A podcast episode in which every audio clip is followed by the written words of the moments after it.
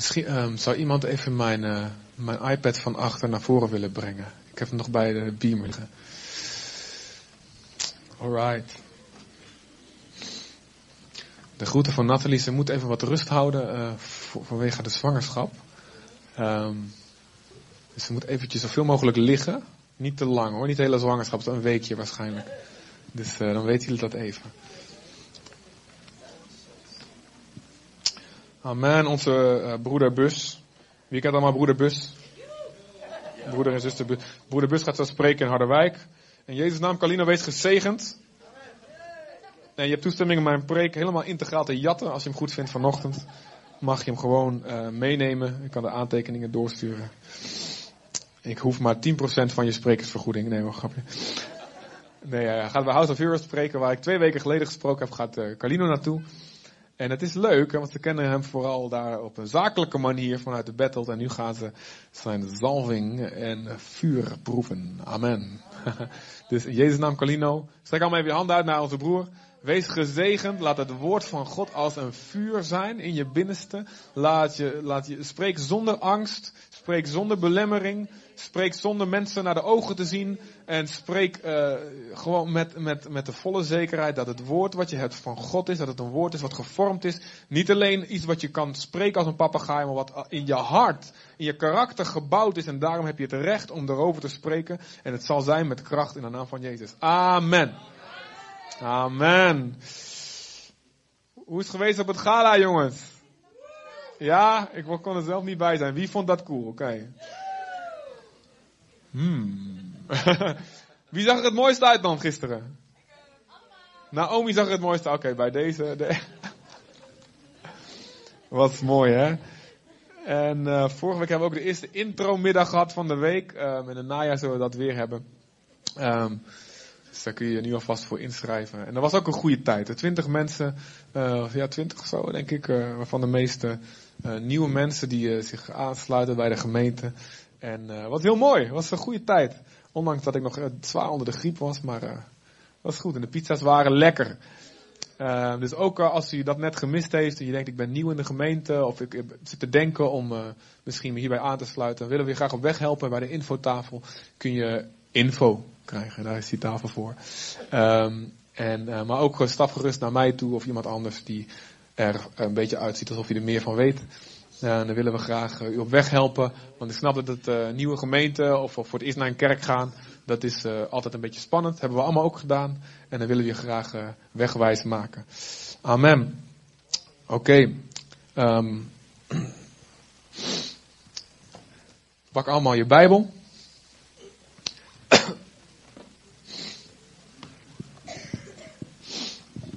Pak hem steeds vast.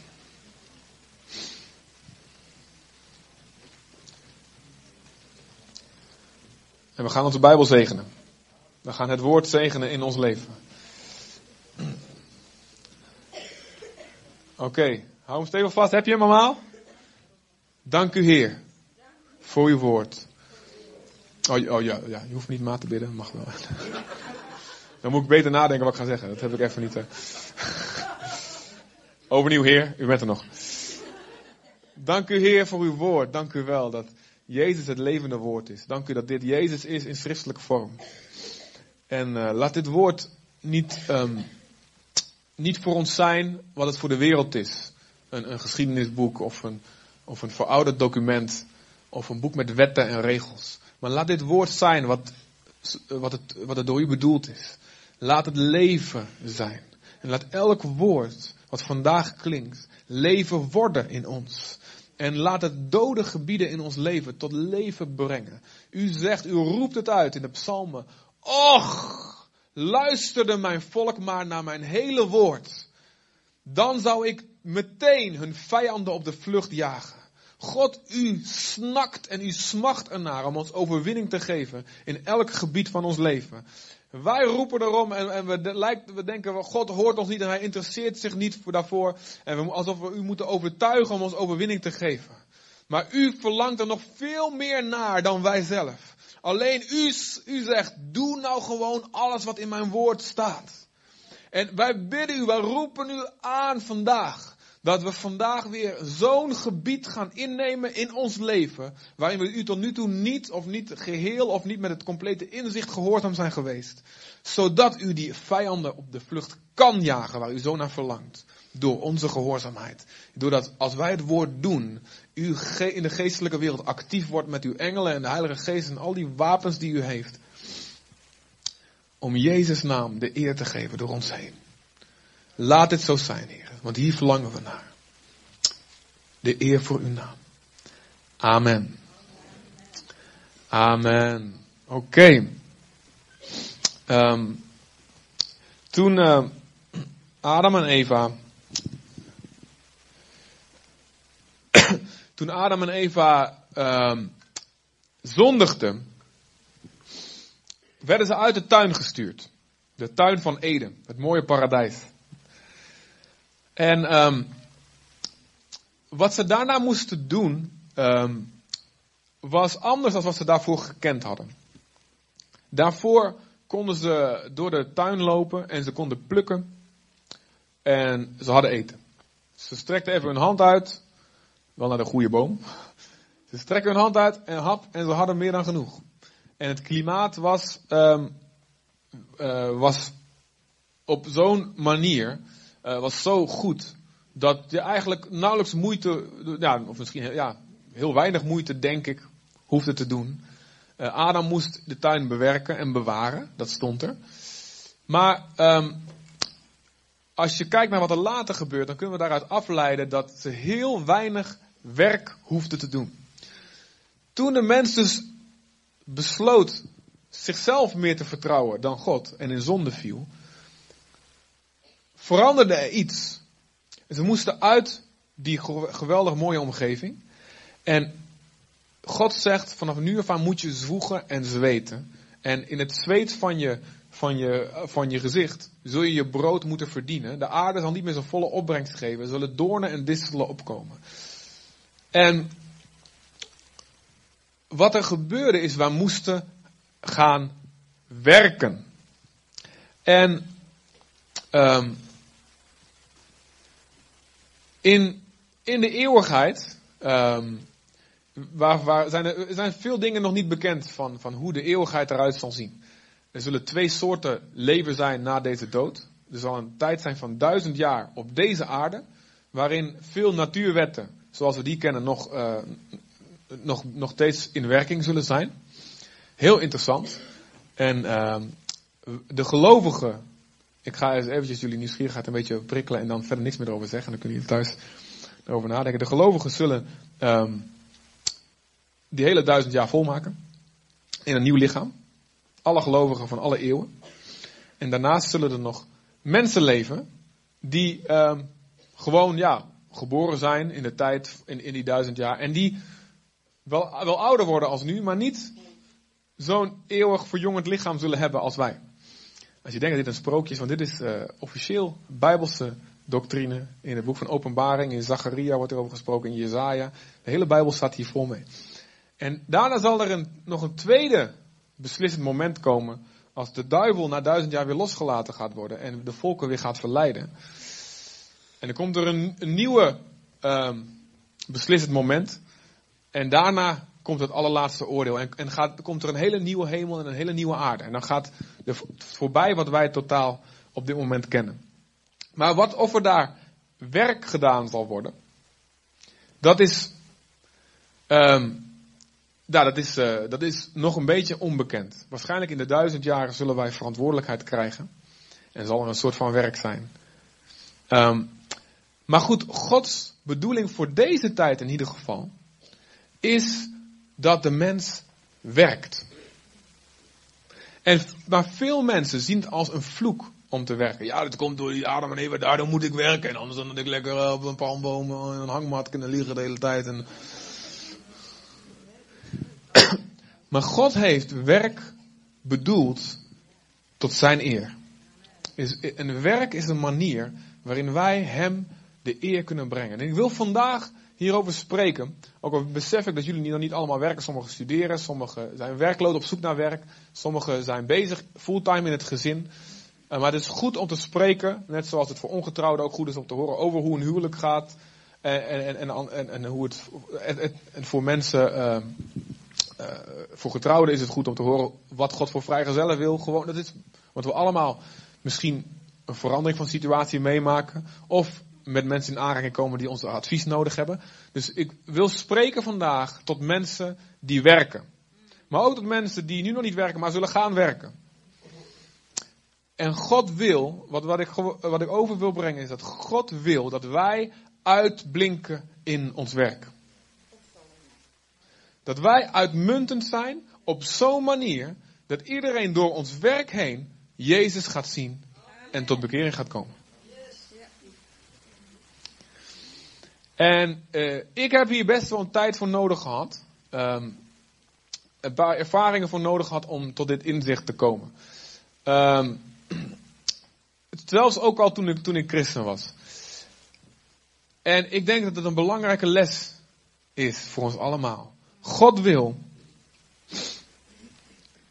ons leven gebruiken om Hem de eer te brengen. Door een tijdelijk baantje, een uitzendbaantje bij, uh, bij de slager op de hoek waar je van de zomer werkt.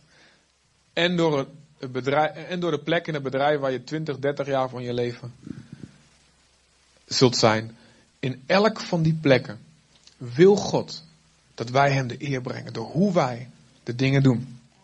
Wij leven voor Zijn eer. Amen.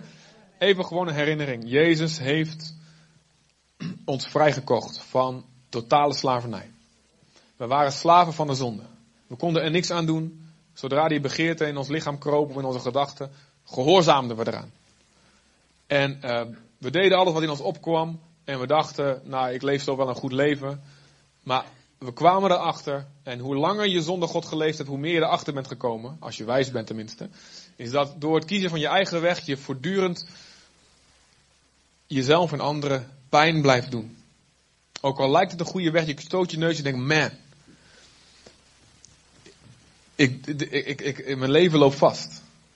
Of ik, ik, ja, ik bezorg anderen pijn hiermee. En we waren slaven van de zonde. En ook al zagen we in, eigenlijk moet dit anders. We konden niks anders doen dan ja zeggen elke keer als er weer een verleiding op ons pad kwam. Om voor onszelf te kiezen. Of om toe te geven aan lust. Of om toe te geven aan egoïsme of aan trots. We konden er niks aan doen. En omdat we daar niet mee konden leven, hebben we allerlei, hadden, bedachten we allemaal smoesjes en excuses waarom het dan maar wel goed zou zijn dat ik gewoon lekker door kan gaan met die zonde. En sommigen van ons bedachten zelfs een theologie waarom, het wel door, waarom God het wel goed vond dat wij door zouden gaan met zondigen. En of een rechtvaardiging van, ja, ja, ik doe het nog, nog, nog altijd beter dan die of die. En dan, vergeleken we onszelf en dachten we, nou, dan kom ik er toch weer goed vanaf. En er waren allerlei manieren waarop we gebonden waren. Ik spreek tot christenen die met Jezus leven, dus we gebonden waren aan die zonde. Maar toen Gods goede boodschap in ons leven kwam, is alles veranderd. Amen? Ja toch? Alles is veranderd. We hebben ten eerste al die smoesjes van waarom, waarom zonde goed zou zijn, die moesten eerst als sneeuw voor de zon verdwijnen. En we moesten ontdekken, ja, ik kan wel mooi praten als brugman, maar um, ik sta schuldig tegenover God. En God is rechtvaardig als hij zegt, jij verdient de hel. Auw. En ik snap dat dit auw is als je dit nog niet helemaal door hebt. Dat, dat deed bij mij ook. Maar geloof me, ik dacht heel goed van mezelf. En, maar ik, ook ik moest erkennen. Als Jezus niet voor mij sterft aan het kruis, ben ik verloren. Als Jezus niet mijn straf draagt, ben ik verloren. En toen ik inzag dat die God die mij door en door kende en mijn rottigheid en, en, en hypocrisie en egoïsme die mij door en door kende. Dat diezelfde God, de God is die naar de aarde komt. Mij het voorbeeld geeft. Hoe het moet. Mij gezonde woorden geeft. Direct van de troon van God de Vader. En daarna mijn zonde op zich neemt. En sterft met eigenlijk mijn naam op zijn voorhoofd. Dit is Christian Tan die hier sterft. Wauw. Dat was het moment dat ik zo dankbaar werd. Dat ik zeg, deze Jezus, wat Eliane ook net zei, daar doe ik alles voor. En deze Jezus, ik was een slaaf van de zonde. En hij is gekomen op de slavenmarkt en heeft gezegd, die, die moet ik hebben. Hoeveel kost die?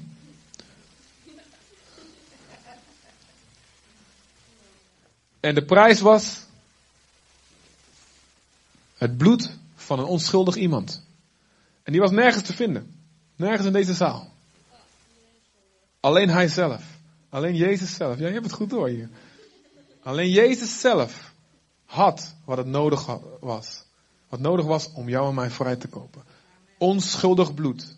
Bloed wat niet voor zijn eigen zonde vergoten hoefde te worden als terugbetaling voor de zonde.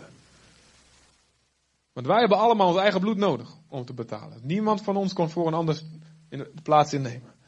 Alleen zijn bloed was zuiver genoeg om ons vrij te kopen. En, de, en hij kwam met de juiste prijs en de zonde moest ons loslaten. De duisternis, de duivel moest ons loslaten. En als jij hier zit vandaag en je bent nog gebonden door de zonde. Jezus is hier.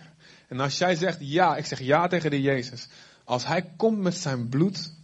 Het klinkt een beetje eng en zo, weet je wel. Maar als hij komt met zijn bloed en met zijn, zijn offer aan het kruis. Dan moet de zonde jou loslaten. En moet de duivel jou loslaten.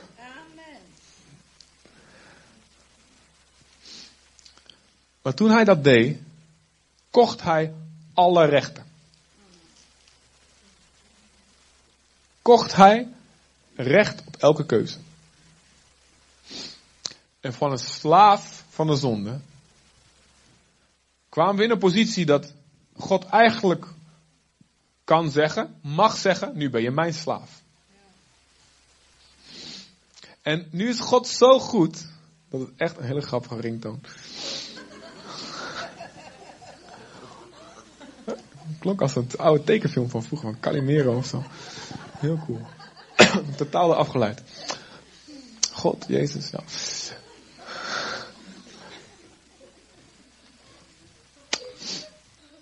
Maar God is zo lief en zo goed, dat hij niet meteen ons het mes op de keel zet en afdwingt waar hij eigenlijk recht op heeft. Is dat niet lief van hem? Dus hij koopt je, is helemaal vrij. En dan kan hij zeggen, oké, nu ben je van mij, nu doe je alles wat ik zeg en anders dat mag je doen. Ja toch? Dat mag je doen. Amen? Mag je doen. Hij is God. Hij is soeverein, maar hij is lief. En hij snapt, ze hebben even tijd nodig. Ze hebben even wat ervaringen nodig. En ik ga op hun tempo leren de lessen. En ja, ja, ja, uiteindelijk zegt God, uiteindelijk moeten we doen wat hij zegt. Maar hij heeft begrip voor ons vallen en opstaan. Hij heeft begrip en genade en geduld met ons. Maar het is wel goed voor ons om te realiseren wat Paulus zegt en 1 Korinther zegt. Zegt, jongens, besef goed. Vergeet niet dat je gekocht en betaald bent. Besef goed. Vergeet niet dat je niet van jezelf bent. Dus zeg allemaal eventjes tegen jezelf. Zelf. Je bent niet van jezelf. Ja, kijk even naar jezelf en niet naar, even niet naar mij kijken. Ik, ik, weet dat ik heel knap ben, dat het heel afleidend is. Ik snap dat. Ik heb daar begrip voor. Maar kijk even naar jezelf. Zelf. Je bent niet van jezelf. Heeft zelf het gehoord? Zeg het voor de, voor de, om het zeker zeg het ook even tegen twee mensen links en rechts van je. Zeg even, jij bent niet van jezelf. Nou, aan de andere kant, jij bent niet van jezelf.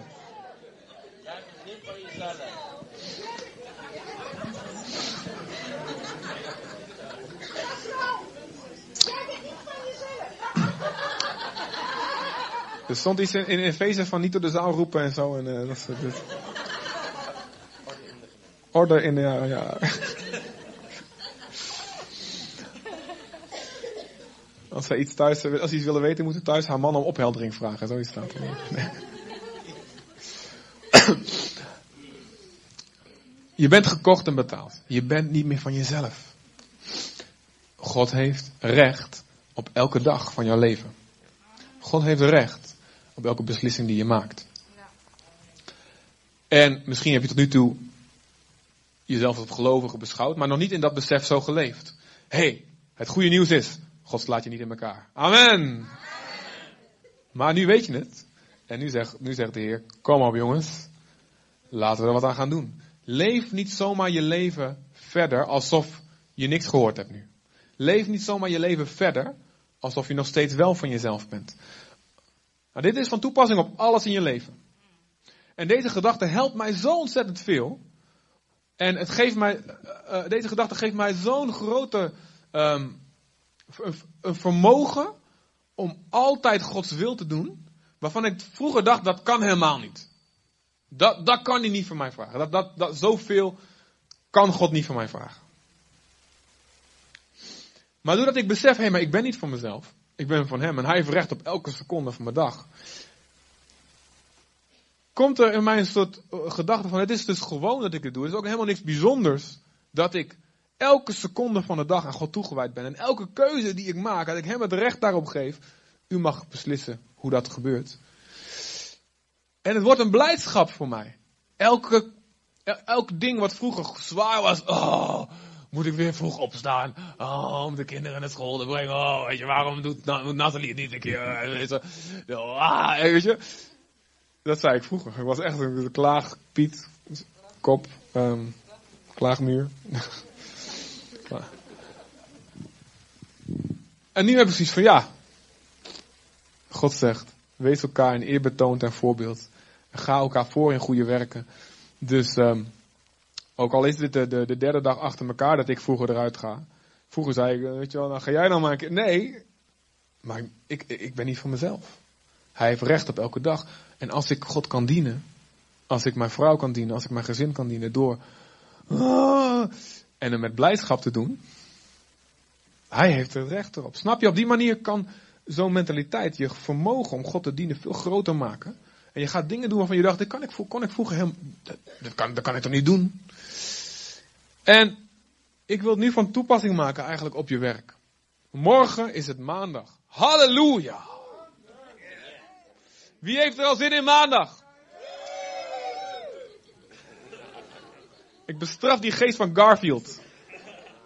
Wie kent Garfield? Wie kent Garfield? Wie, kent Garfield? Jullie hebben echt meer opvoeding nodig. Wie kent Garfield? Even serieus. Garfield. Wie kent Odie?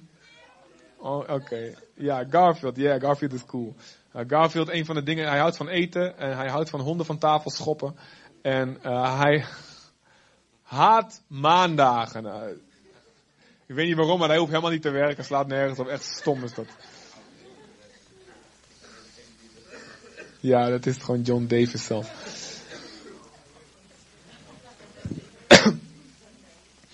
en ik wil je zo gek maken vandaag dat je morgen juichend en schreeuwend van blijdschap naar je werk gaat. Amen. Gaat lukken. Gaat lukken, ik zie het.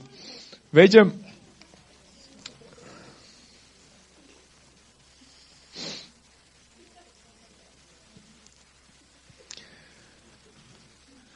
In Deuteronomium 8, vers 18 staat een tekst.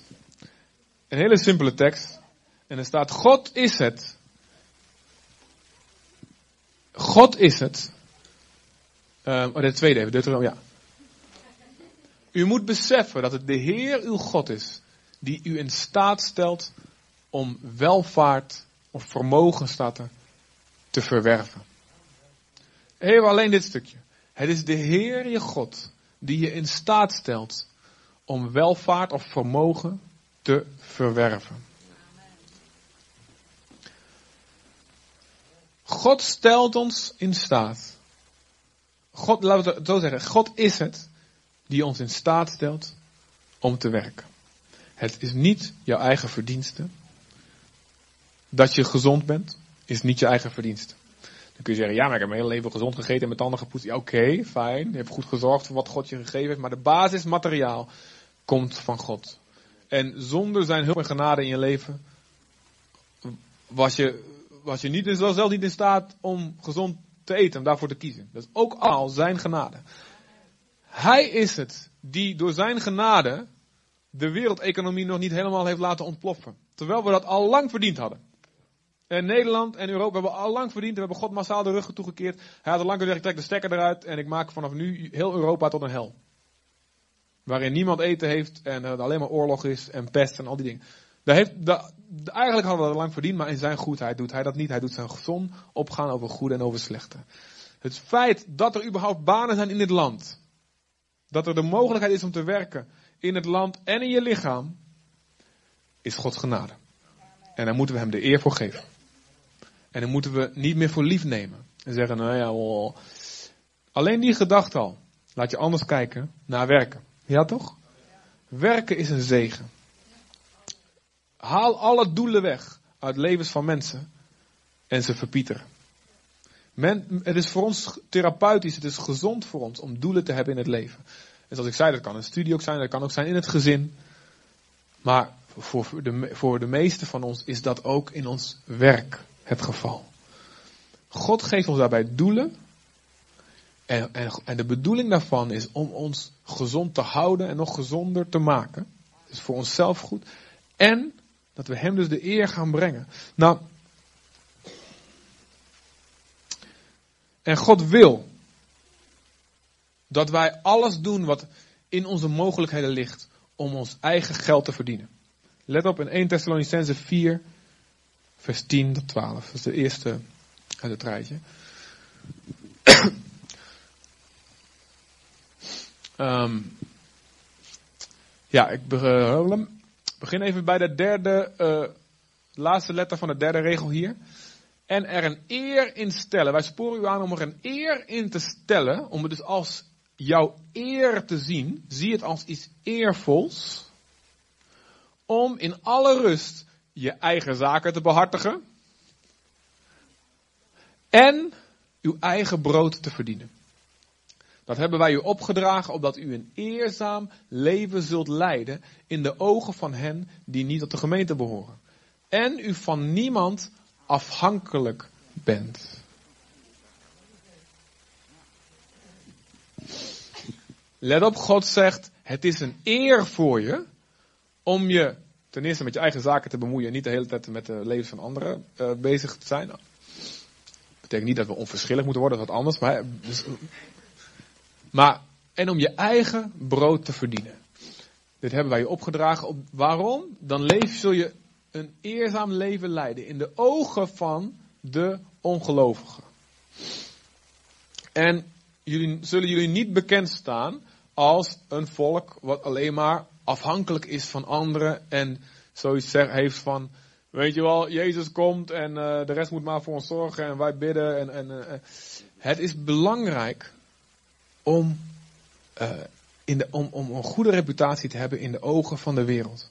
Nou, dit is een beetje verwarrend, want God zegt ook de hele tijd tegen ons, joh, je moet niet bezig zijn, je moet niet bang zijn voor de mening van mensen. Je moet God meer vrezen dan mensen.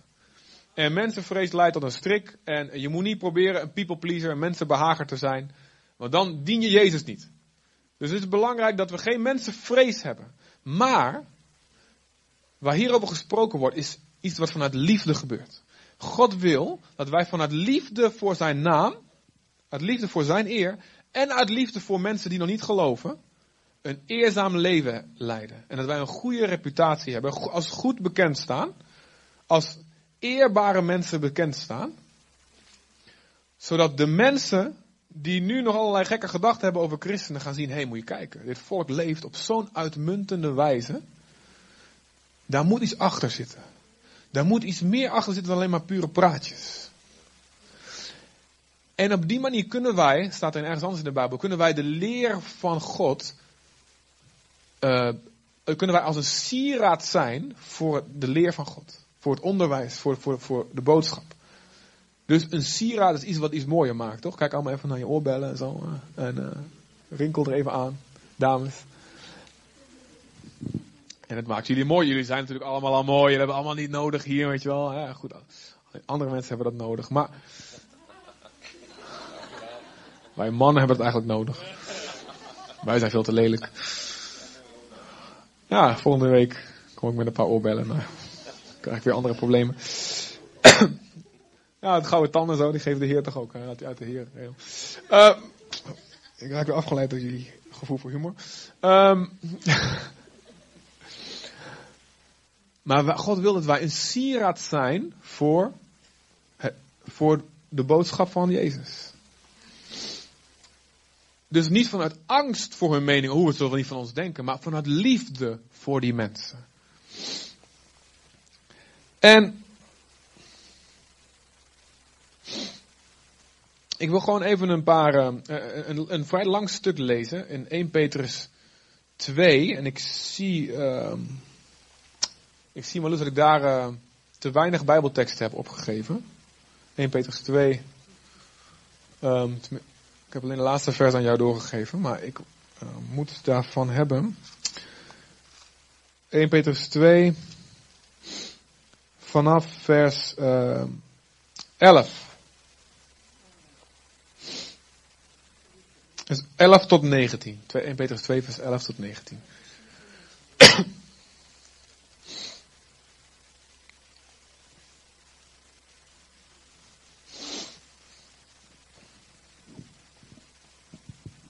En uh, de, ja, de, de situatie is hier dat Petrus schrijft tot een kerk die behoorlijk vervolgd wordt. En er waren allerlei verhalen van de, uh, rondgingen in die tijd. En uh, er waren, gingen allerlei gekke beschuldigingen. De christenen, christendom was nog iets heel erg nieuws in, in het Romeinse Rijk. En ze werden, werden beschuldigd dat de jongens ze drinken daar bloed van kinderen. Ze hadden iets gehoord over het avondmaal. En ze, de wildste verhalen deden daar de ronde. Um, en uh, ze zijn vooral een, een, ook een, een secte die uiteindelijk de bedoeling heeft om de hele keizer, uh, keizerrijk omver te werpen. Ze zijn staatsgevaarlijk, ze moeten gearresteerd worden, ze moeten gepakt worden, want ze willen niet voor de keizer buigen. Uh, en de keizer als een god vereren. En um, dus wat gebeurde? De christenen hadden een slechte naam. En niet, omdat, niet, was niet terecht. Het was gewoon de duivel die verspreidde leugens. Nou, en in deze tijd moeten we zeggen, de christenen, ik weet niet hoe, ja, hoe goed het in jouw omgeving is, maar over het algemeen hebben de christenen ook nog niet de goede naam die God verdient dat wij hebben. En sommige dingen zijn wel onze eigen schuld. He, omdat we misschien soms uh, jarenlang veel te, veel ja, alleen maar regeltjes, regeltjes, of veel te veroordelend zijn geweest. Of veel, um, of veel te hypocriet zijn geweest. Allerlei redenen, maar heel veel dingen zijn ook onterecht. En het is, um, dus de woorden die Petrus hier spreekt tot christenen in die situatie zijn voor ons ook nog best wel relevant. Oké, okay, dan gaan we. Geliefde broeders en zusters, u bent als vreemdelingen die ver van huis zijn. En ik vraag u dringend om niet toe te geven aan zelfzuchtige verlangens die uw ziel in gevaar brengen. Leid te midden van de ongelovigen een goed leven. Opdat zij, die u nu voor misdadigers uitmaken, door uw goede daden tot inzicht komen en God eer bewijzen op de dag waarop hij komt rechtspreken. Dus, ze beschuldigen je nu nog als misdadigers. Leid zo'n leven dat iedereen gaat zien, wauw, dit is heel, ik heb helemaal verkeerd gehad. Erken omwille van de Heer het gezag van de bestuurders die door de mensen zijn aangesteld. Van de keizer, de hoogste autoriteit, en van de gouverneurs die hij heeft afgevaardigd om misdadigers te straffen en te belonen wie het goede doen. God wil namelijk dat u door het goede te doen onwetende, onwetende dwazen de mond snoert. Dan weet je meteen uh, hoe die mensen heten. Onwetende dwazen. Dit was een grapje, ja, natuurlijk. Morgen naar je buurman stapt. Leef als vrije mensen en verschuil u niet als achter uw vrijheid om u te misdragen, maar handel als dienaren van God. Houd iedereen in ere, heb uw broeders en zusters lief, heb ontzag voor God en eerbiedig de keizer. Dus let op, hij zegt, joh, het is belangrijk dat je de keizer eerbiedigt, ook al laat hij zich aanbidden als een God, maar laat zien dat je respect hebt voor gezag. Waarom? Want dan gaat die slechte naam, die er nu is over de christen, die leugen die Satan verspreidt, die kan niet in stand houden. Maar mensen gaan zien, hé, hey, ze doen dat helemaal niet, waar ze van beschuldigd worden. En dan zegt hij, slaven, erken het gezag van uw meesters. En heb ontzag voor hen. Niet alleen voor de goede en rechtvaardige, maar ook voor de onrechtvaardige. Het is een blijk van genade als iemand, doordat zijn aandacht op God gericht is, in staat is onverdiend leed te verdragen.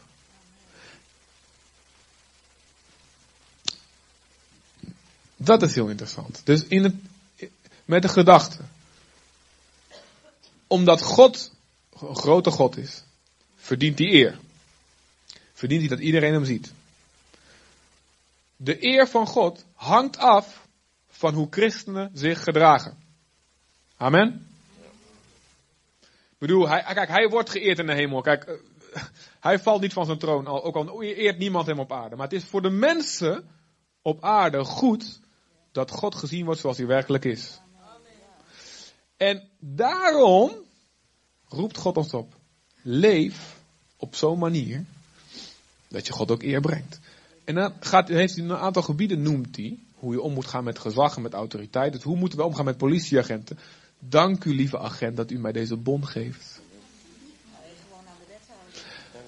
Want, inderdaad, ja, nee. Het is ook puur hypothetisch, ik heb nog nooit een bon gehad in mijn leven. Oh, ik mag niet liegen tijdens de preek. Dank u. wat ik wel eens gedaan heb. Dank u, lieve beste agent. Nou, lief heb ik niet gezegd. Bedankt dat u deze blaastest uh, afneemt. Uh, ik heb geen druppel gedronken, zoals elke dag. Maar ik ben blij dat u helpt de veiligheid, uh, dat u helpt onze wegen veilig te houden. En dan staan ze zo te kijken. En dat is het eren van autoriteiten. En het uh, niet klagen over belastingen. Amen. Want dankzij. Kijk, er zijn landen waar belastinggeld niet goed wordt besteed. Maar hier. Kijk, je kunt niet klagen over belastingen en over bezuinigingen. Dat kan niet, allebei. De belastingen hier. En ik heb als mensen uit het buitenland hier gehad. En ze zeiden van, joh. Ja, hier kun je tenminste die belastingen terugzien in de wegen. En hoe die onderhouden worden. En hoe, de, hoe het sociaal systeem in elkaar zit. Bij ons kun je er helemaal niks van zien. Dan gaat het, gaat het in de zakken van een paar rijke families. Dus dat is een houding van respect tegenover gezag die God wil dat we hebben. Ik zie dat ze hier een preek aan gaan wijden. Zie ik aan jullie gezichten. maar dan gaat hij verder en dan gaat hij het hebben over het werk. Hoe moet je houding zijn op je werk? En ik weet dat er staat slaven. En dat was natuurlijk anders als nu. Maar het is wel vergelijkbaar. Slaven, uh, je moet het, het was het was wel fout wat in die tijd gebeurde, maar het was minder erg als wat wij misschien kennen uit de films over de slavernij in Amerika. Met een zweep en in boeien en al die dingen. Het was, het was zeker niet goed, maar het was minder erg. Het was, het was uh, ja, eigenlijk het de meerderheid van de bevolking was een slaaf. In, zeker in de Griekse wereld. Um, en die aantallen waren zo groot, dus ja, die, die, mensen werden uh, op een andere manier behandeld dan wat wij in, in, die films zien. Dus je kon ze eigenlijk op zekere manier meer vergelijken met huidige werknemers als de slaven uit, uit, uit die plaatjes die wij hebben. Uiteindelijk heeft het christendom ervoor gezorgd dat de slavernij is afgeschaft. En uh, als, uh, als je nog wel eens hoort mensen zeggen van ja, maar het christendom is slavernij goedgekeurd en bla bla bla.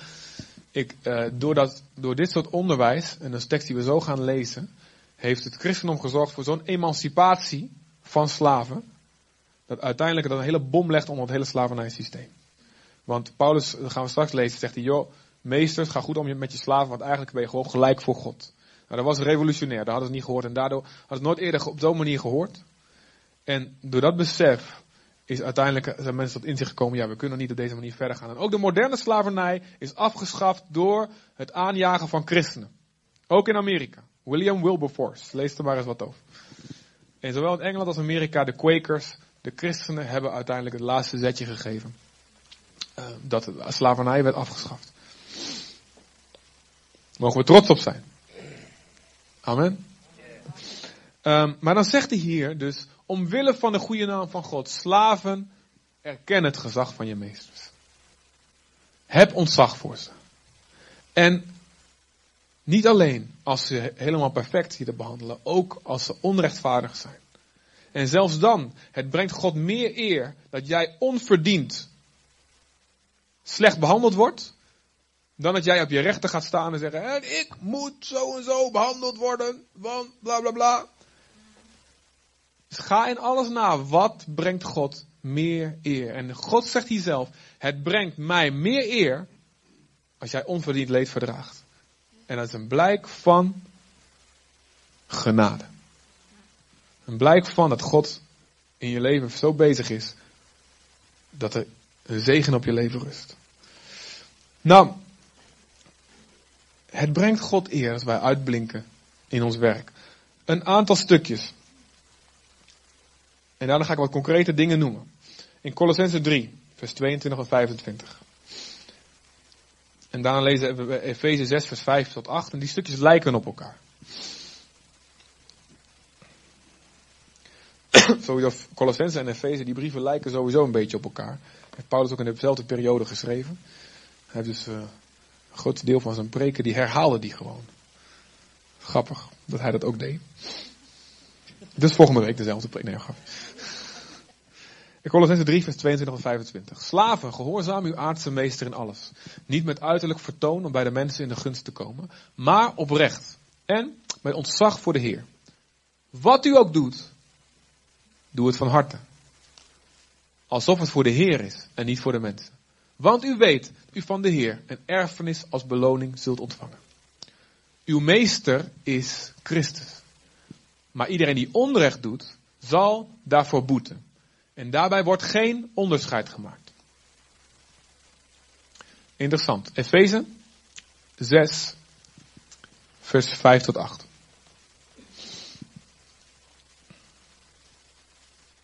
Slaven, gehoorzaam uw aardse meester zoals u Christus gehoorzaamt. Wauw. Met ontzag, respect en oprechtheid. Niet met uiterlijk vertoon om bij de mensen in de gunst te komen. Maar als slaven van Christus die van harte alles doen wat God wil. Doe uw werk met plezier. Alsof het voor de Heer is en niet voor de mensen. Want u weet dat allen door de Heer beloond zullen worden voor het goede dat ze doen. Zowel slaven als vrije mensen. Dam, da, dam. En ik wil, als we het gaan hebben over een werken op zo'n manier dat het God eer brengt, wil ik gewoon een aantal dingen concreet noemen. Ten eerste, als je een werknemer bent, en ga straks ook even in als je misschien een werkgever bent, of, of een baas bent, of een paar mensen hebt die je aanstuurt. God vraagt van een werknemer gehoorzaamheid. En dat is een uh, zeer beladen term. En um, die gehoorzaamheid is ook niet zonder grenzen. Je hoeft niet te zondigen als dat wordt opgedragen. Door je baas. Of door wie dan ook, of door de regering. Dat de, dan, dan mag je zeggen, we moeten God meer gehoorzamen dan mensen. Maar we moeten een houding hebben om onze werkgevers op zo'n manier te dienen alsof we Jezus dienen.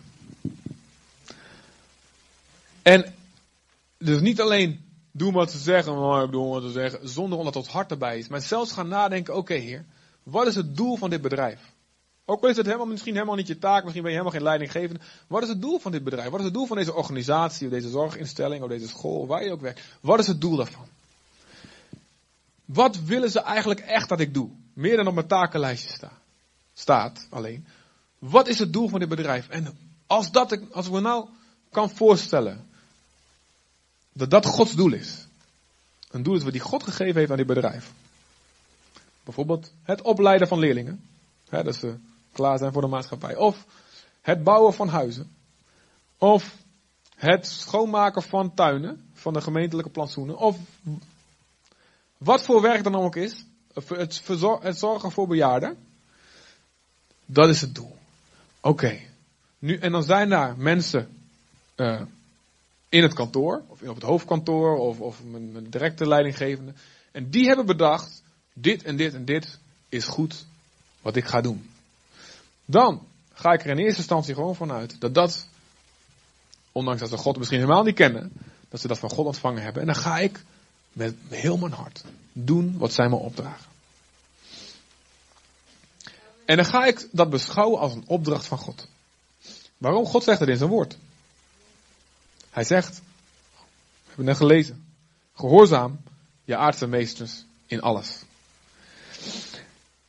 En zelfs zoals u Christus gehoorzaamt. Oftewel, laat je ijver en de houding waarmee je het doet, en de wijsheid waarmee je het doet, laat die een weerspiegeling zijn van de ijver en de liefde en de passie die je hebt voor Jezus.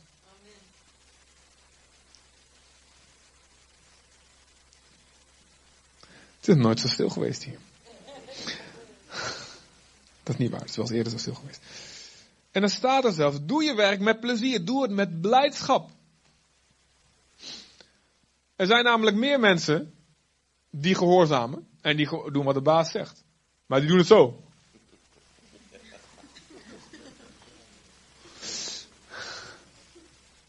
En op vrijdagmiddag, als het bijna weekend is, is het al. Nou, oké.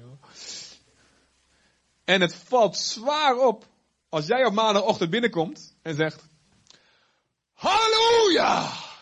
Oké, nee, ik, je snapt wat ik bedoel. Niet letterlijk. Niet letterlijk. Er staat in de Bijbel ook, uh, als wie zijn broeder op, uh, op vroege morgen op luidruchtige wijze zegent, die wordt hem als vloek aangerekend. Dus, wees wijs. Maar het, het is abnormaal als jij met blijdschap binnenkomt. Dat is gewoon abnormaal. In een nieuwe week, waar iedereen zit te klagen en de zeuren, nou, we moeten maar weer, nou, het goed, hè. eventjes uh, opwarmen, en koffie. En natuurlijk, je, je, moet niet die anderen gaan zitten irriteren door te blij en te, dus wees wijs. En te hard te werken, waardoor zij helemaal in een slecht blaadje komen. Oké, wees wijs. Is ook niet goed. Maar, wees niet altijd zeer wijs en altijd zeer rechtvaardig, zegt predik ook. Maar, die houding, met blijdschap. En er staat in Filippenzen 2 vers 14, dat als wij alles doen, en dan niet alleen in de kerk, het begint in de kerk, daar oefenen we, oké? Okay? Alright, alright. Het begint in de kerk. Maar als we alles doen, thuis, in je gezin, op je school, in je werkplek, of in de sportverenigingen waar je dan ook nog verder actief bent. Als je alles doet wat je hoort te doen zonder mopperen of tegenspreken. Wat gebeurt er dan? In de volgende vers staat, dan zul je zijn als een stralende ster in een duistere hemel. Te midden van een ontaarde en verkeerde generatie. Wauw. Door niet alleen te doen wat je hoort te doen, maar dat ook nog eens een keer met blijdschap te doen. En te zeggen, is goed, wat kan ik nog meer doen? Ik heb het gedaan, ik kan er nog meer doen. Dit klinkt heel erg stom en ik wow. We hebben de kans om te stralen, jongens. We hebben de kans om te stralen. We hebben de kans om anders te zijn. En met zo'n kwaliteit alsof het voor God is en niet voor een menselijke zaak. Dus beschouw de doelstelling van jouw bedrijf. Kijk, behalve als dat bedrijf pornoblaadjes produceert. Oké, dan eh, ga weg bij dat bedrijf, zou ik zeggen. Ik moest één keer, heb ik, werkte, ik werkte bij een, drukkerij. En uh, ik werkte bij een drukkerij en ik moest gewoon, ja, van die pallets, van die, die blaadjes, uh, van die papieren stapels moest ik uh, stapelen en, de machine eruit houden. En achter mij, de machine achter mij, was, werd een pornoblaadjes werden daar gedrukt. En ik zat nog te twijfelen, hier moet ik weg, hier moet ik, stoppen met het werk. Het was gewoon een uitzendwerk hoor. Moet ik ermee stoppen? En ik dacht van, nou, ik doe het maar niet. Nou, ik, ik, ik weet niet. Ik denk niet dat ik moet stoppen, maar ik ga niet, als ik aan die lijn moet staan, zeg ik, dan, dan weiger ik. Dat heb ik gezegd. Dus goed, dat hoefde, ook niet. Maar ik was zo verbolgen uh, in de geest, dat ik, uh, ik, draaide me, ik draaide me naar dat ding om. Ik zei, in Jezus naam, ik vervloek deze hele lijn. Kijk, mag, mensen mag je niet vervloeken. Hè? Dat hebben we ook niet gedaan. Ik vervloek deze lijnen niet en laat er niks meer uitkomen. Deze hele dag. En ik weet, ja, kijk, ik kan dat ding misschien niet, ja, ik kan het niet, de hele, hele, hele wereldpornografie niet stoppen. Als ik het zou kunnen, zou ik het doen.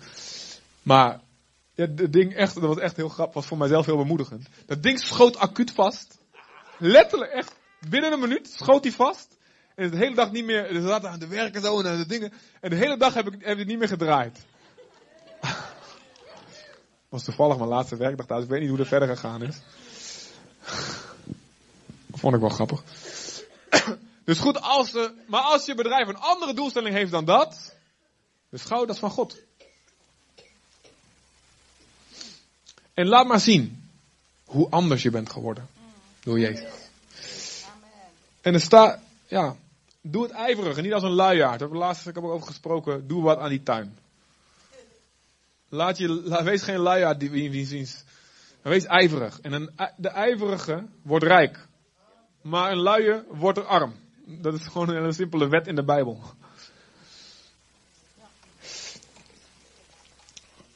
En er staat ook hier, doe geen onrecht, stond er in die tekst in Colossense en Efeze. God zal je onrecht ook vergelden. Zonder onderscheid van persoon staat er. Dus dat betekent, niet stelen van je baas. Dat moet gewoon heel duidelijk zijn, maar denk ik, zeg het toch maar eventjes.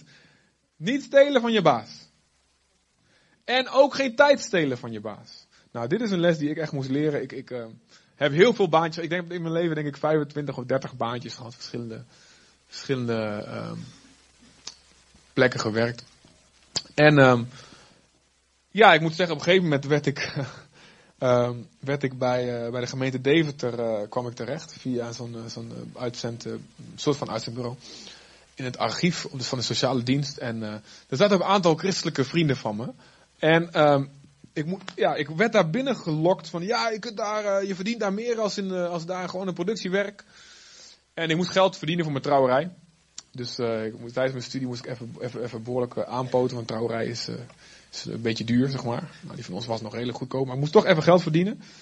dus ik heb daar een paar maanden gewerkt.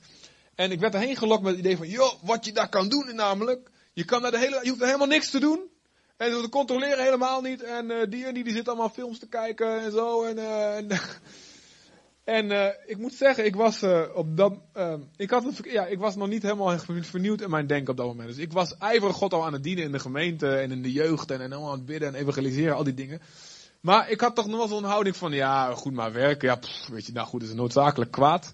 En uh, je moet het maar uitzitten totdat je weer vrij bent. En dan kan ik weer gaan bidden, bijbel lezen en evangeliseren. Al die dingen. Dus een soort, uh, mijn, ja, ik was nog niet helemaal af, zeg maar. Nog steeds niet trouwens.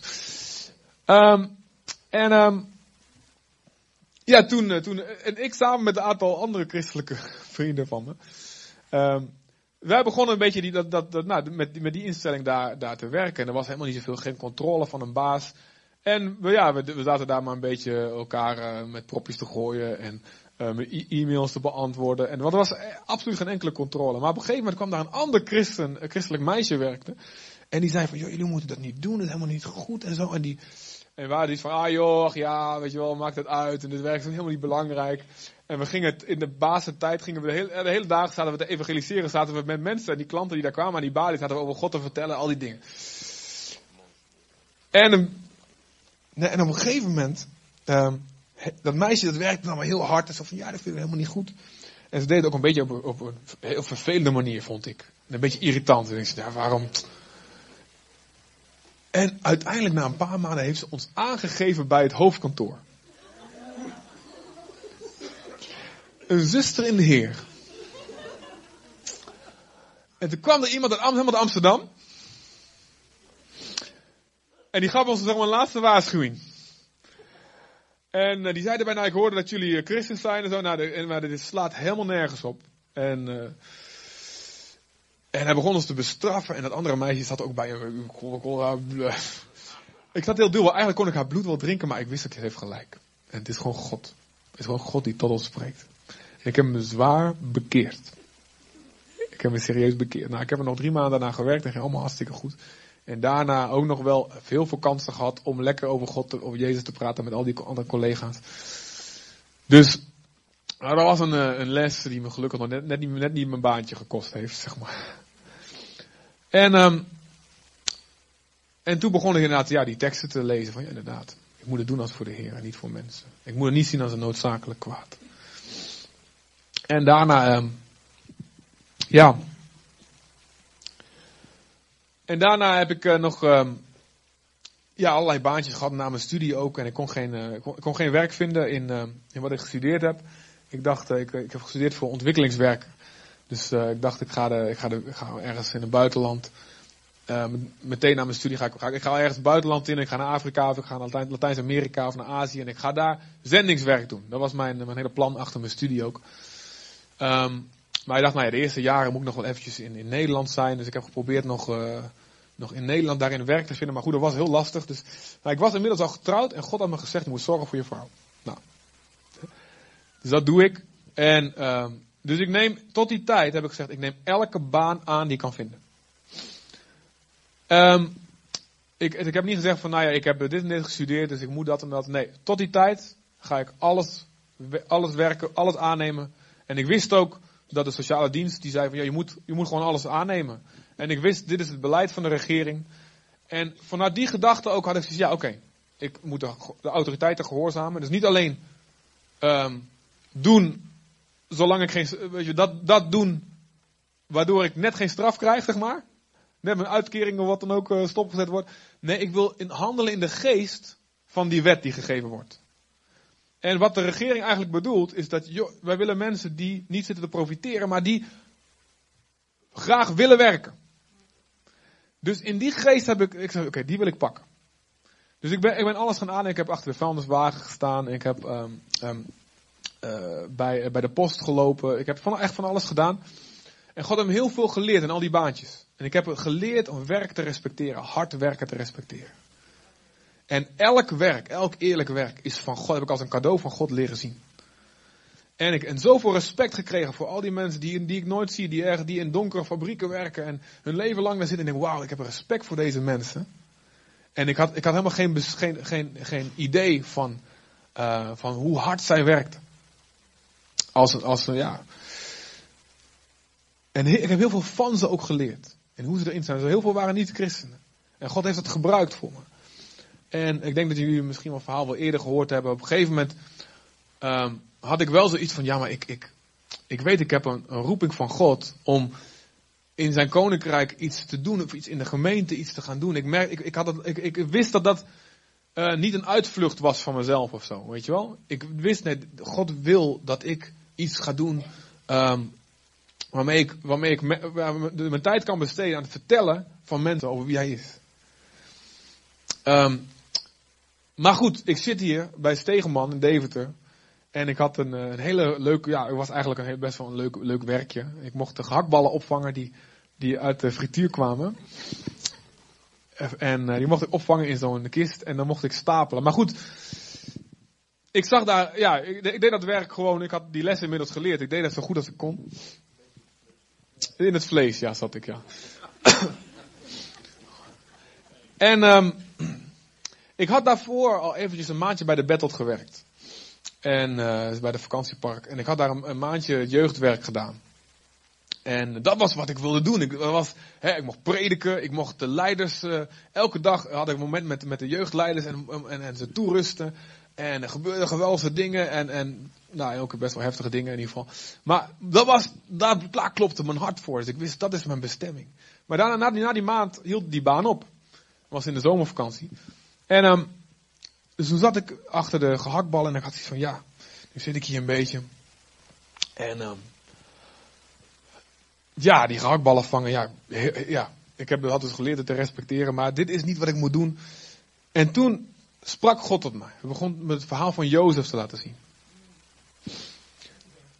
En um, ik had ook best een teleurstellende ervaring. Ik, ik, God had me gezegd dat ik moest stoppen met, uh, dat, dat wij, Nathalie en ik, moesten stoppen met het jeugdleiderschap in Deventer.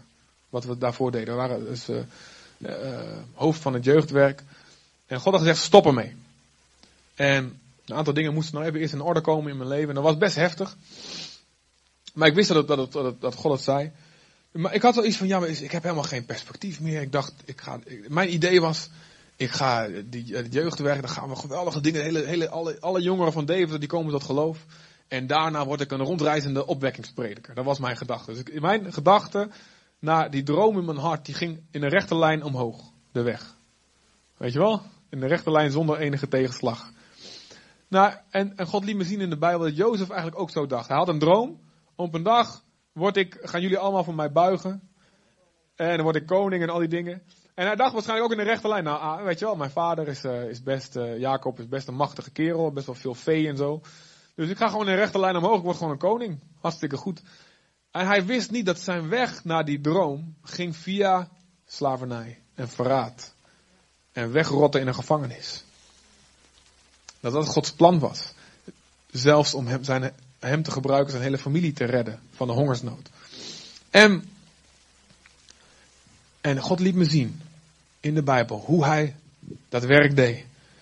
En moet je eens kijken in Genesis um, 39. Genesis 39. Um, vers um, 23. Nee, sorry. Um, sorry, Marloes. Ja. Nee, laat maar even deze staan. Hij komt eerst in het huis van Potifar. Wordt hij door zijn broers wordt hij verkocht als slaaf. In een put gegooid, verkocht als slaaf. En dan komt hij in een huis van een rijke Egyptenaar. Ja, ik lees nog maar even deze tekst niet.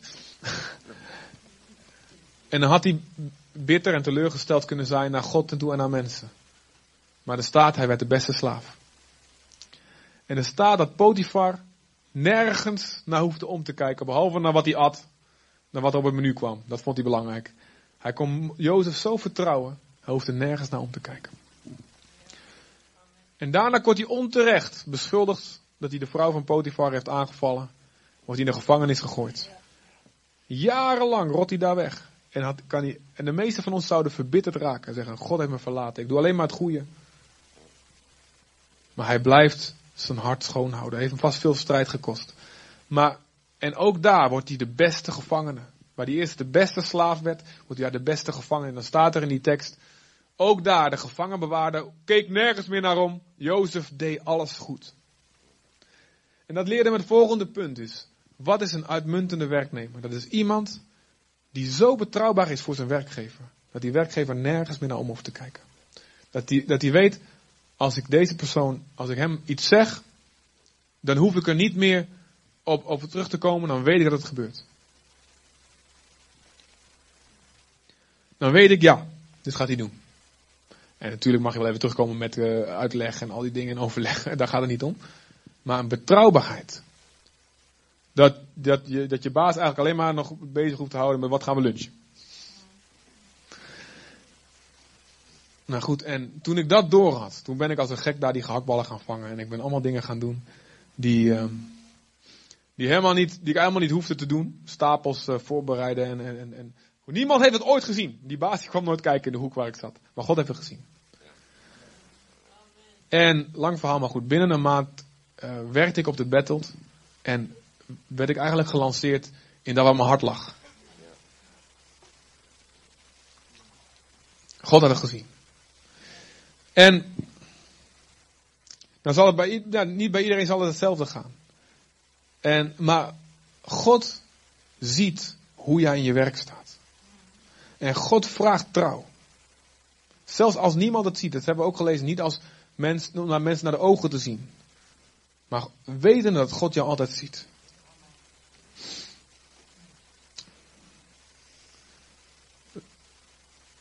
En wat is ook uitmuntendheid? Oh, kijk, als je dingen ziet die misgaan in je bedrijf, ook dan zal God je de wijsheid geven om dat op een goede manier aan te spreken. Het is niet zo dat gehoorzaamheid betekent, je mag nooit wat zeggen als je iets mis ziet gaan. Maar ook in de Bijbel zien we voorbeelden van mensen die onder een baas stonden en die van God de wijsheid kregen om die baas, of die koning, of die leider, op een wijze en respectvolle manier aan te spreken. En zeggen, joh, dit wat je nu, nu doet is gevaarlijk. Kijk naar Joab, de generaal van David, die David meerdere malen behoed heeft voor fouten. Hij deed het respectvol. Hij deed het wijs. En David luisterde naar Joab, omdat hij het op een goede manier deed. Abigail. David stond ook op het punt om daar een grote fout te maken. En Abigail, haar man, die werd bijna afgemaakt. En oh, David die deed dat uit wraak. Omdat Nabal hem niet wou helpen. En Abigail die zag, oh, mijn hele huis wordt zo afgemaakt. Dus ik moet die David gaan stoppen. Maar ze deed het op zo'n respectvolle en wijze manier. Dat David luisterde. Dus ook als je in zo'n situatie zit van, ja, maar ik wil wel gehoorzaam, maar er gaat iets mis in dit bedrijf. Dan bid God om wijsheid. Bid God om woorden. En ik heb gemerkt in heel veel gebieden, ook in het werk, ook natuurlijk het werk wat ik nu doe helemaal, dan denk je, ja, maar jij bent voorganger. Maar ook in, je, in, je, in jullie gewone werk is net zo heilig als het werk wat ik doe. Echt waar. Het is net zo heilig. En als we dat zo gaan zien, en God wil net zo spreken in jullie werksituaties. Hij wil jullie wijsheid geven op, voor, de, voor de gekste dingen.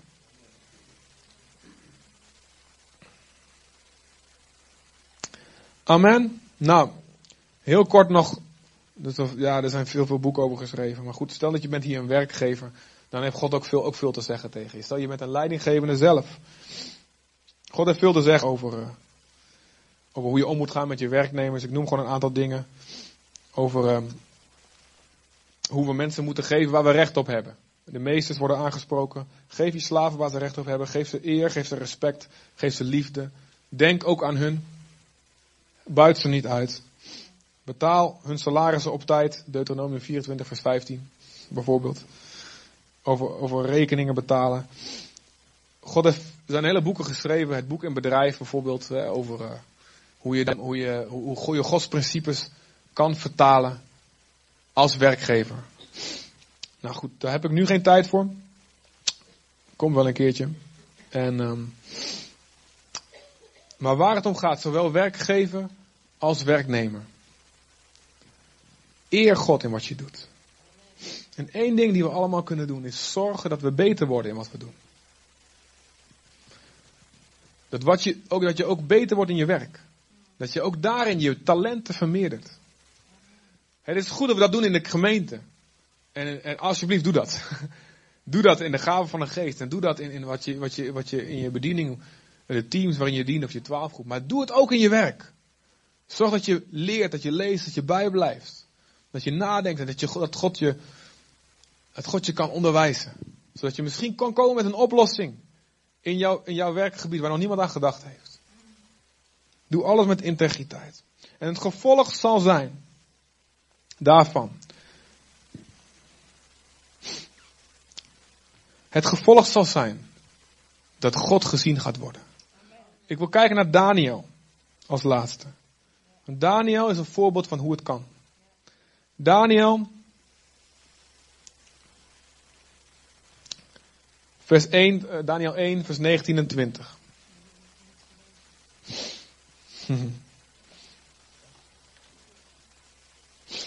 God wil dat God wil zijn zegen geven op jouw werk.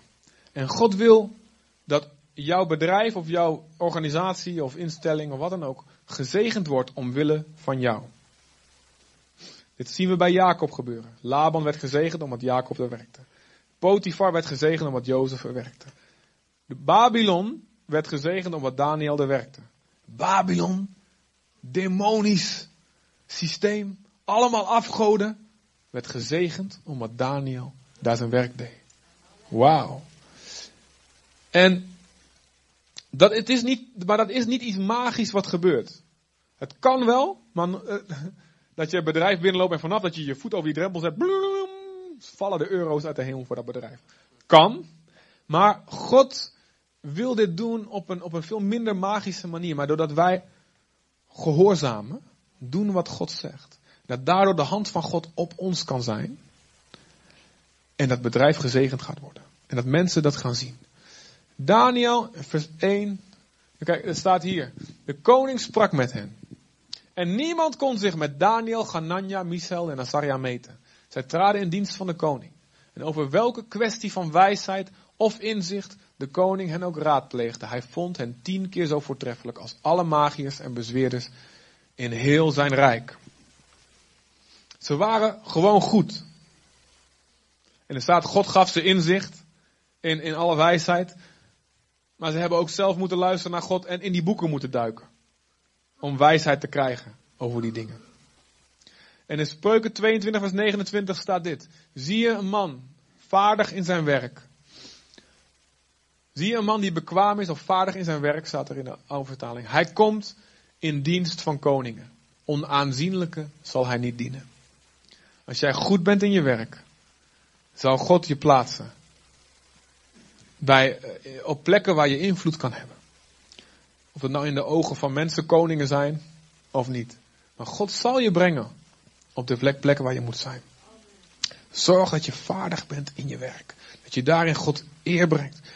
Nou, en eh, dit zien we gebeuren met Daniel. En dan komt Daniel in allerlei situaties. Waarin hij op de test, op de proef gesteld wordt. Komt de, koning krijgt een droom. En niemand kan die droom uitleggen. Maar Daniel legt hem uit. En dan staat er, Daniel 2, vers 48 en, 48 en 49 volgens mij. Dat Daniel was al uh, invloedrijk en dan krijgt hij nog meer promotie kreeg hij. Hij werd aangesteld over het gehele gewest van Babylon. Hij werd de baas eigenlijk van de hoofdstad van het rijk. En even later wordt Daniel in de, worden, worden, um, worden die drie vrienden van hem worden in het vuur gegooid, in de brandende oven gegooid, omdat ze niet willen buigen voor het standbeeld van de koning.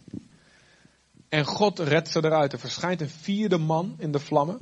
De engel van de Heer, Jezus zelf, komt in die, in die vlammen, wandelt hij daar. En ze wandelen een beetje daar het midden van het vuur. Zo'n beetje te kletsen. Nou ja, het duurt nog lang voor ons ons eruit halen. En, eh. en terwijl zelfs de bewakers die hun brachten, die, die, die kwamen om door de vlammen. En bij hun gebeurde er niks. En ze roken zelfs niet eens naar vuur. En toen beval de koning, iedereen die vanaf nu slecht praat over de God van deze drie mannen, over de Hebreeuwse God. Dan krijg je echt weer zo'n typisch zo'n Babylonische uh, maatregel. Hij, zijn lichaam wordt in stukken gehakt en zijn huis wordt tot een mesthoop gemaakt. Oké, de maatregel was een beetje draconisch, maar Gods naam wordt geëerd, zie je dit? Omdat ze in de positie zijn. Omdat ze goed zijn in hun werk. Maar ook omdat ze integer zijn en niet buigen. Niet buigen voor de verleidingen om oneerlijk te zijn of om toch maar mee te gaan. Met wat die duivel op hun pad legt. Een shortcut, een korte route. En uiteindelijk, na nog weer een uitlegging van een droom, komt de koning Nebukadnezar, hij die Jeruzalem verwoest heeft en de tempel verwoest heeft, komt tot bekering. En hij geeft God de eer. En hij, hij, hij, hij wordt voor een tijdje als een dier. Dier van het veld begint gras te eten, omdat hij zo hoogmoedig is. En Daniel is degene die dat, die dat aan hem moet vertellen. Was hij ook gehoorzaam. En uiteindelijk komt hij bij zichzelf en gaat, geeft hij God de eer. God wil dit doen door ons heen, mensen. Zorg dat je goed bent in wat je doet. Doe je werk met blijdschap. Zonder mopperen, zonder bedenken. Uh, vraag God woorden voor je baas, voor je collega's. Ja, en getuig, absoluut. Doe dat, weet je wel. Maar laat door je werk zien, door je houding zien wie jouw echte baas is. En wat gaat er gebeuren? Je zal niet alleen zelf komen op een plek van invloed. Anderen zullen God gaan eren. Mensen zullen tot bekering komen. Ik heb dit vaker genoemd, maar het blijft zo indruk maken. De atheïst die in een London Times schreef: Alsjeblieft, stuur ons, uh, stuur ons als ontwikkelingswerkers in Afrika. Stuur ons niet alleen ontwikkelingswerkers, maar stuur ons zendelingen. Want ik heb gezien als overtuigd atheïst dat alleen ontwikkelingswerk niet genoeg is. Als die Afrikanen hier, als ze ook allemaal christen worden, dan verandert er wat. Dan worden ze verantwoordelijke, hardwerkende, eerlijke werknemers. En wat gebeurt er? De economie groeit. Er komt vertrouwen. Het groeit. Er, er, komt, er komt iets wat nog nooit eerder hier geweest is. En dan, alleen dan zie ik echte ontwikkeling. Dus ik als overtuigd atheïst zeg, stuur ons zendelingen. Laat onze Afrikaanse broers en zusters, zusters ons voorbeeld zijn. Amen. Vader, ik bid u, Heer, voor iedereen hier die, eh, die werkt. Voor, ook voor hen die gaan werken. Ook voor hen die werkloos zijn. Iedereen, vader, voor wie deze boodschap relevant is. Ook zij die in hun gezin werken. Iedereen van ons, help ons. En ik bid u dat deze preek een beginnetje zal zijn van een uitgebreider spreken van u over deze onderwerpen in ons leven. Wij vragen u samen, wij, we hebben een passie om uw wil te doen. En wij vragen dat uh, u de komende weken, of oh, de komende tijden, elk gebied in, in ons werken, in onze houding, aanstipt waarin we u nog uitmuntender konden dienen. En we bidden u dat we een uitmuntend volk mogen zijn. Voor uw eer. Zodat iedereen u zal zien en dit land Jezus de eer gaat geven. Want Hij is waardig. En Hij is het waard dat wij voor Hem leven. Elke maandag. En elke dag. Amen. Amen. Alright. Wie is in de maandag? Oké. Music Peoples. We gaan uh, zingen en afsluiten. En we mogen de, onze opbrengsten van onze handen. Het feit dat we inkomen hebben, hebben we gelezen, komt van God. Ja, toch? En ook als dat een uitkering is, dan is dat ook een zegen van God. Ook als je niet kan werken. Dank God dat je in een land leeft. Waarin er voor je gezorgd wordt. Amen. En dan mogen we van onze gaven, mogen we dankbaarheid aan Hem geven. We kunnen Hem eren met onze rijkdom. We kunnen Hem eren met onze financiën. Dus tijdens dit lied mogen jullie um, dansend uh, en juichend naar voren komen om te geven in de, de mandjes. Te geven van het harde werk, van het zweet van jullie aanschijn. Amen. Amen. Nou, leven, ga maar lekker staan. Want ik heb het gevoel dat jullie een beetje ingekakt zijn. Maar we moeten morgen natuurlijk weer allemaal wakker zijn, want we gaan heel blij naar ons werk. Wie dan? jullie kunnen met het volgende nummer meeklappen. Uh, um, ook voor degenen die een beetje bang zijn om morgen weer naar hun werk te gaan. Van, oh, oh, nu moet ik echt uh, radicaal uh, bekeren en lekker vrolijk er aankomen. Vraag ook gewoon naar God, hè, of, of Hij je de kracht wil geven. Want alleen door Hem kunnen we alle dingen doen die Hij van ons vraagt. En Hij is genadig en overvloedig in wat Hij geeft daarvoor. Dus kunnen we gewoon vrijmoedig naar Hem toe komen.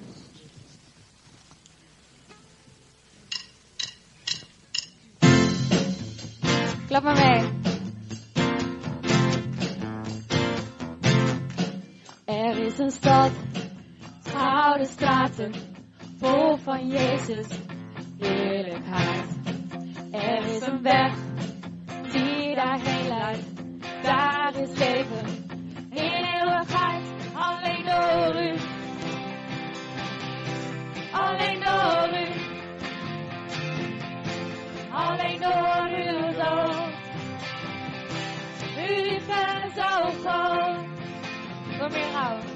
Nooit meer rouw. Nooit meer tranen.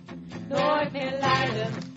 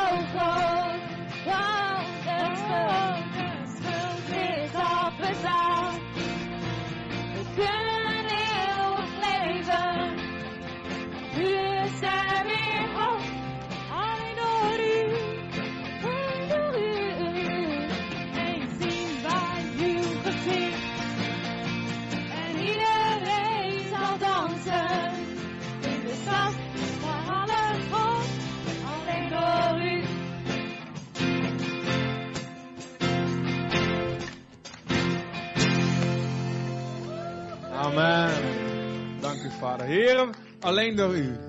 Alleen door u, Jezus. Vader, vervul ons met uw Heilige Geest. Vervul ons met uw Heilige Geest, Heer. Heer, laat ons vurig van geest u dienen. Deze hele week, Vader. In de kerk, op ons werk, thuis, overal, uitblinken, uitmunten, bovenuit stijgen tot uw eer. In Jezus' naam. Dank u, Vader. Alleen door u. Alleen door Jezus. Amen. Amen. Alright. We gaan afsluiten, maar ik heb het gevoel dat er één iemand is die een woord heeft. Ik weet niet wat het is.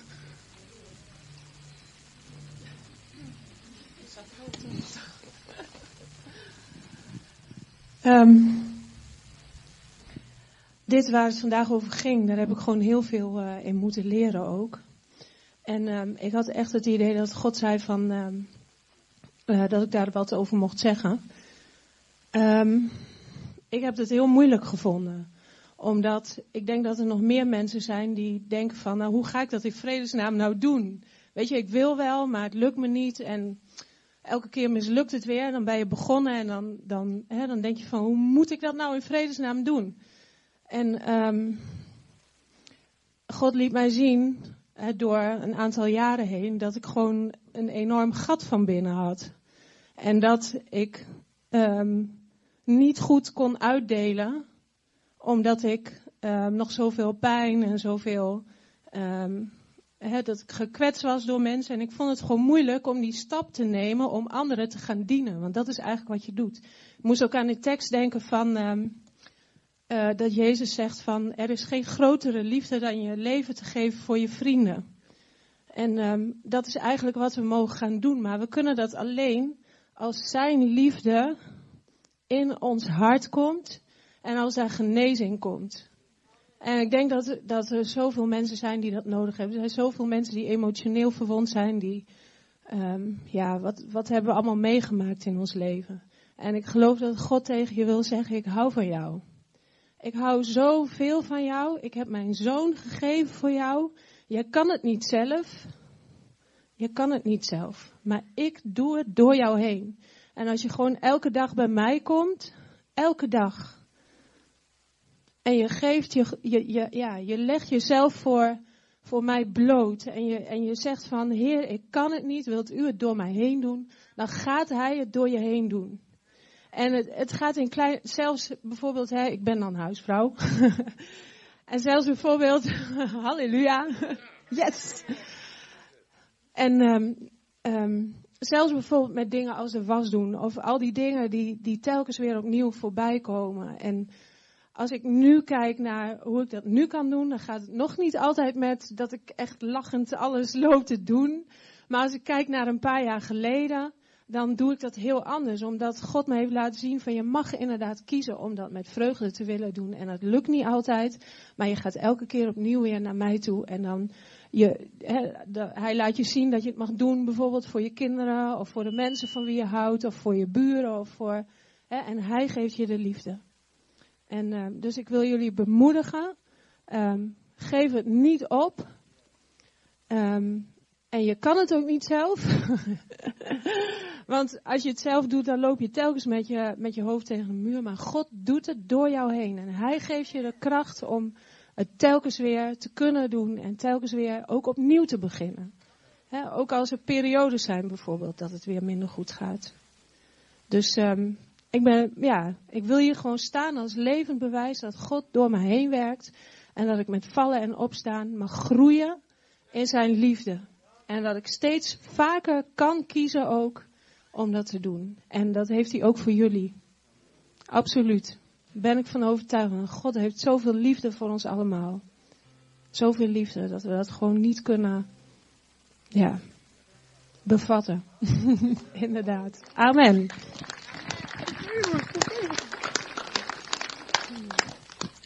Super vet. Dat ontbrak er nog in de preek. Heel goed. Amen. Wees gezegend allemaal.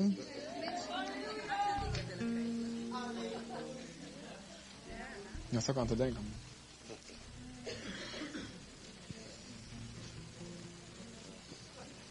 Maar um,